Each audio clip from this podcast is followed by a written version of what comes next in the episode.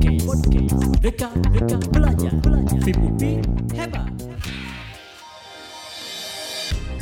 semuanya, selamat berjumpa para mahasiswa di mana pun Anda berada. Bagaimana kabar kalian? Semoga sehat dan selalu bahagia. Selamat berjumpa dalam program podcast Merdeka Belajar Fakultas Ilmu Pendidikan Universitas Pendidikan Indonesia.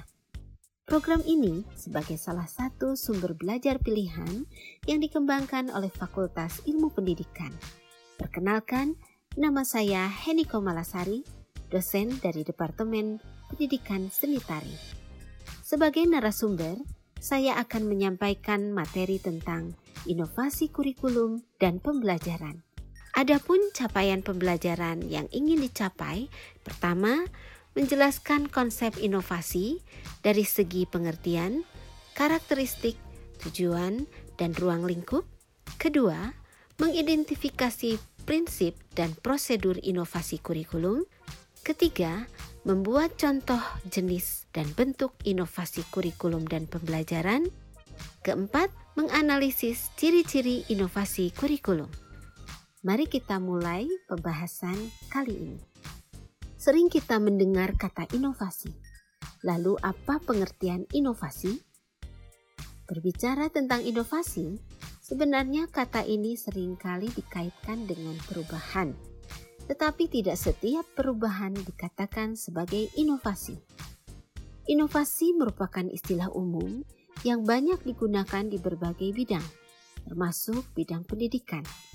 Penggunaan istilah ini, walaupun banyak digunakan, namun tidak sedikit memunculkan pemahaman yang kurang tepat. Jadi, pertanyaan kita, apa itu inovasi? Dalam Kamus Besar Bahasa Indonesia, kata inovasi didefinisikan dalam dua makna, yaitu satu, suatu pemasukan atau pengenalan hal-hal baru atau pembaharuan. Dua, penemuan baru yang berbeda dari yang sudah ada atau yang sudah dikenal sebelumnya, baik berupa gagasan, metode, ataupun alat.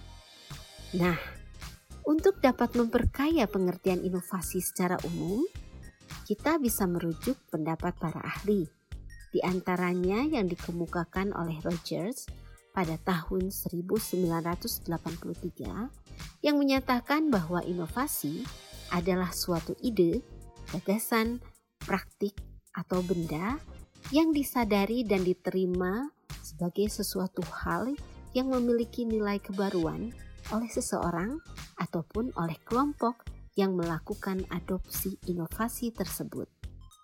Jadi, dapat disimpulkan bahwa inovasi merupakan segala sesuatu yang memiliki sifat kebaruan atau novelty dan kemanfaatan yang berdasar pada kebaruan tersebut sehingga menjadi nilai tambah dan dapat diterima oleh masyarakat sebagai suatu inovasi. Pertanyaan berikutnya, apa yang membedakan inovasi dengan temuan lainnya? Dan apa yang menjadi karakteristik kalau sesuatu itu dikatakan inovasi? Karakteristik inovasi yang dirumuskan terdiri dari empat ciri utama, yaitu satu, memiliki kekhasan khusus. Artinya, suatu inovasi memiliki ciri yang khas dalam bentuk ide, program, sistem, atau bentuk lainnya, termasuk kemungkinan hasil yang diharapkan.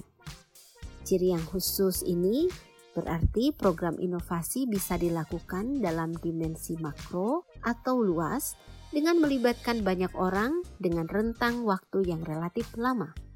Namun juga dapat diterapkan dalam dimensi mikro atau cakupan kecil sederhana dengan melibatkan orang yang terbatas dengan durasi waktu yang terbatas pula. 2. Memiliki unsur kebaruan atau originalitas. Inovasi harus memiliki karakteristik sebagai buah karya dan buah pikir yang memiliki nilai originalitas dan kebaruan. 3. Inovasi dikembangkan melalui program-program yang terencana. Artinya, bahwa suatu inovasi dilakukan dan dikembangkan melalui suatu proses yang terstruktur, melalui serangkaian proses yang matang dan terencana. Jadi, bisa dikatakan proses inovasi bukan proses yang muncul tiba-tiba dan tak disengaja, tetapi merupakan suatu proses penemuan dan perencanaan yang diperhitungkan dan memiliki tahapan-tahapan yang jelas sebagai bagian dari proses inovasi tersebut. 4. Inovasi yang digulirkan memiliki tujuan yang jelas dan spesifik, di mana program inovasi dilakukan harus memiliki tujuan tertentu yang ingin dicapai termasuk arah dan strategi untuk mencapai tujuan tersebut.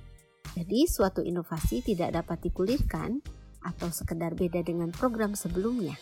Inovasi dilaksanakan karena ada tujuan yang spesifik dan jelas dan termasuk tujuan untuk memperbaiki suatu keadaan atau tujuan lain yang disesuaikan dengan konsep dan konteks inovasinya. Berikutnya, kalau begitu apa tujuan dari sebuah inovasi dalam pendidikan? Sebuah inovasi ditemukan karena adanya masalah ataupun kendala. Maka tujuan dari inovasi yang digulirkan memiliki tujuan yang jelas dan spesifik. Adapun tujuan inovasi pendidikan di Indonesia pada umumnya adalah satu, lebih meratanya pelayanan pendidikan, dua, lebih serasinya kegiatan belajar, tiga, lebih efisien dan ekonomisnya pendidikan, empat, lebih efektif dan efisiensinya sistem penyajian. 5. Lebih lancar dan sempurnanya sistem informasi kebijakan. 6. Lebih dihargainya unsur kebudayaan nasional. 7. Lebih kokohnya kesadaran, identitas, dan kesadaran nasional. 8. Tumbuhnya masyarakat gemar belajar. 9. Tersebarnya paket pendidikan yang memikat, mudah dicerna dan mudah diperoleh dan 10 meluasnya kesempatan kerja. Nah, berkaitan dengan hal tersebut, bagaimana ruang lingkup inovasi dalam pendidikan? Berdasarkan paparan dari tujuan inovasi pendidikan, maka ruang lingkup inovasi dalam pendidikan mencakup dalam hal manajemen pendidikan, kemudian dalam hal metodologi pengajaran, dalam hal pengembangan media dan sumber belajar, dalam hal pelatihan guru, dan dalam hal implementasi kurikulum. Tentunya kita juga bertanya, apa yang menjadi prinsip dan prosedur inovasi kurikulum? United Nations Development Program atau UNDP merupakan salah satu badan yang berdiri di bawah naungan Perserikatan Bangsa-Bangsa, memiliki perhatian khusus terhadap inovasi, khususnya terkait dengan pengembangan kelembagaan suatu negara.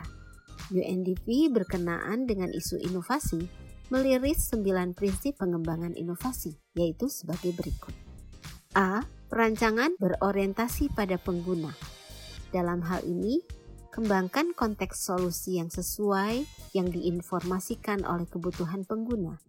Sertakan semua kelompok pengguna dalam perencanaan, pengembangan, implementasi, dan penilaian inovasi. B. Memahami ekosistem yang ada berpartisipasi dalam jaringan dan komunitas praktisi di bidang sejenis, pelajari dan bandingkan dengan kebijakan teknologi, regulasi hukum, dan peraturan-peraturan lain.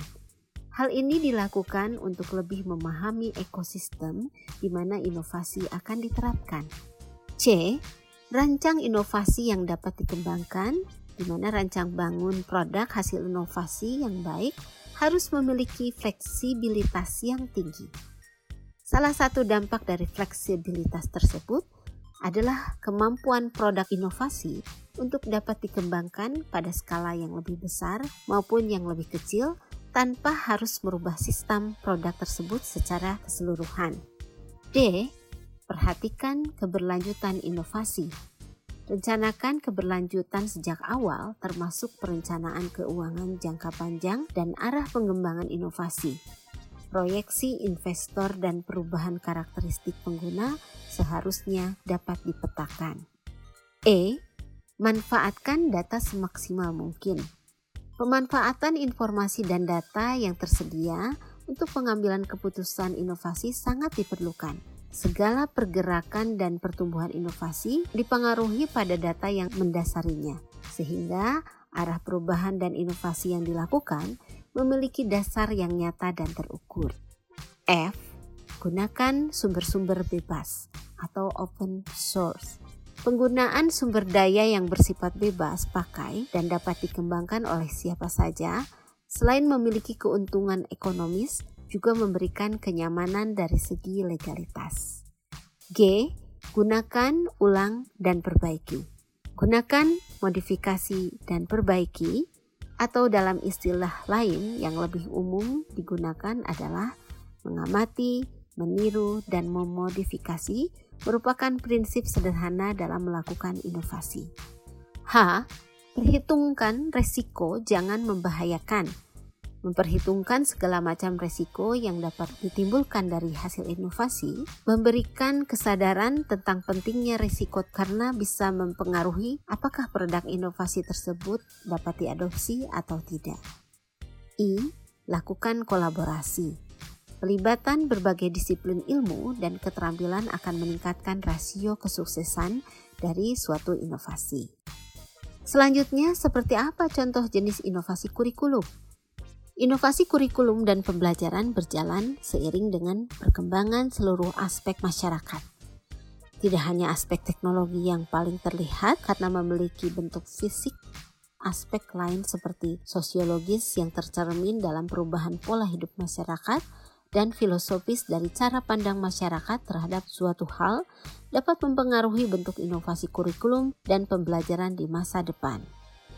Di antara banyak hasil inovasi kurikulum, salah satu yang dapat dijadikan contoh pembahasan adalah kurikulum berbasis kompetensi. Kurikulum berbasis kompetensi atau KBK merupakan sistem kurikulum yang mendasarkan orientasi pengembangannya pada aspek kompetensi yang ingin dicapai. Sistem kurikulum ini merupakan inovasi dari kurikulum sebelumnya yang dianggap berbasis pada isi, Hal lainnya untuk inovasi kurikulum dapat dilihat pada kurikulum KTSP dan yang saat ini diberlakukan yaitu kurikulum 2013. Salah satu contoh inovasi yang dilakukan adalah pada standar kompetensi lulusan KBK dan KTSP yang diturunkan dari standar isi. Sedangkan pada kurikulum 2013, standar kompetensi lulusan diturunkan dari kebutuhan masyarakat. Contoh lainnya untuk inovasi kurikulum adalah homeschooling di mana homeschooling memiliki daya tarik tersendiri yang tidak dimiliki sekolah pada umumnya. Tidak sedikit orang tua yang memilih untuk memulai atau melanjutkan pendidikan anak-anak mereka melalui homeschooling. Ini dilakukan karena orang tua menganggap homeschooling lebih tepat untuk mengembangkan bakat dan minat anak-anak mereka. Pertanyaan berikutnya, bagaimana dengan bentuk inovasi pembelajaran? Untuk inovasi pembelajaran, seperti halnya pada kurikulum, dapat dilakukan pada setiap komponen pembentuk sistemnya secara parsial atau secara utuh. Hanya resistensi terhadap difusi inovasi pembelajaran sangat minim jika dibandingkan dengan yang terjadi pada bidang kurikulum. Sebaliknya, penetrasi difusi inovasi pembelajaran cenderung cepat seiring dengan pengembangannya yang juga begitu pesat. Salah satu contoh hasil inovasi terkait aspek pembelajaran adalah berkembangnya model e-learning. Pembelajaran elektronik atau e-learning adalah proses pembelajaran yang memanfaatkan paket informasi elektronik untuk kepentingan pembelajaran dalam pendidikan yang dapat diakses oleh peserta didik kapan saja dan di mana saja berbasis teknologi informasi dan komunikasi. Inovasi lainnya dalam pembelajaran seperti pendekatan saintifik yang disarankan pada implementasi kurikulum 2013, kemudian model problem based learning, dan masih banyak lagi. Lalu bagaimana kita dapat menganalisis ciri-ciri dari inovasi kurikulum? Untuk melakukannya, kita dapat berorientasi pada beberapa kriteria dari inovasi kurikulum. Pertama, kurikulum harus up to date Kedua, kurikulum memberikan kemudahan untuk memahami prinsip-prinsip pokok dan generalisasinya. Tiga, kurikulum memberikan kontribusi pengembangan keterampilan kebiasaan berpikir bebas dan disiplin berdasarkan pengetahuan. Keempat, kurikulum menyumbang terhadap pengembangan moralitas yang esensial dan yang berkenaan dengan evaluasi dan penggunaan pengetahuan. Kelima, kurikulum mempunyai makna dan maksud bagi para siswa.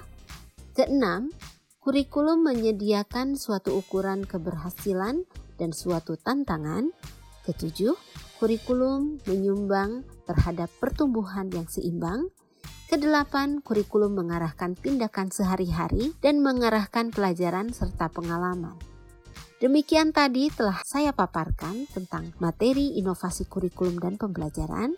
Saya sarankan Anda juga dapat membaca secara lengkap pada buku kurikulum dan pembelajaran yang ditulis oleh tim dosen MKDK serta modul yang diberikan oleh dosen pengajar MKDK, kurikulum dan pembelajaran ataupun sumber belajar lainnya. Karena pembelajar yang baik adalah yang terus memiliki keinginan untuk belajar. Demikian dari saya, terima kasih.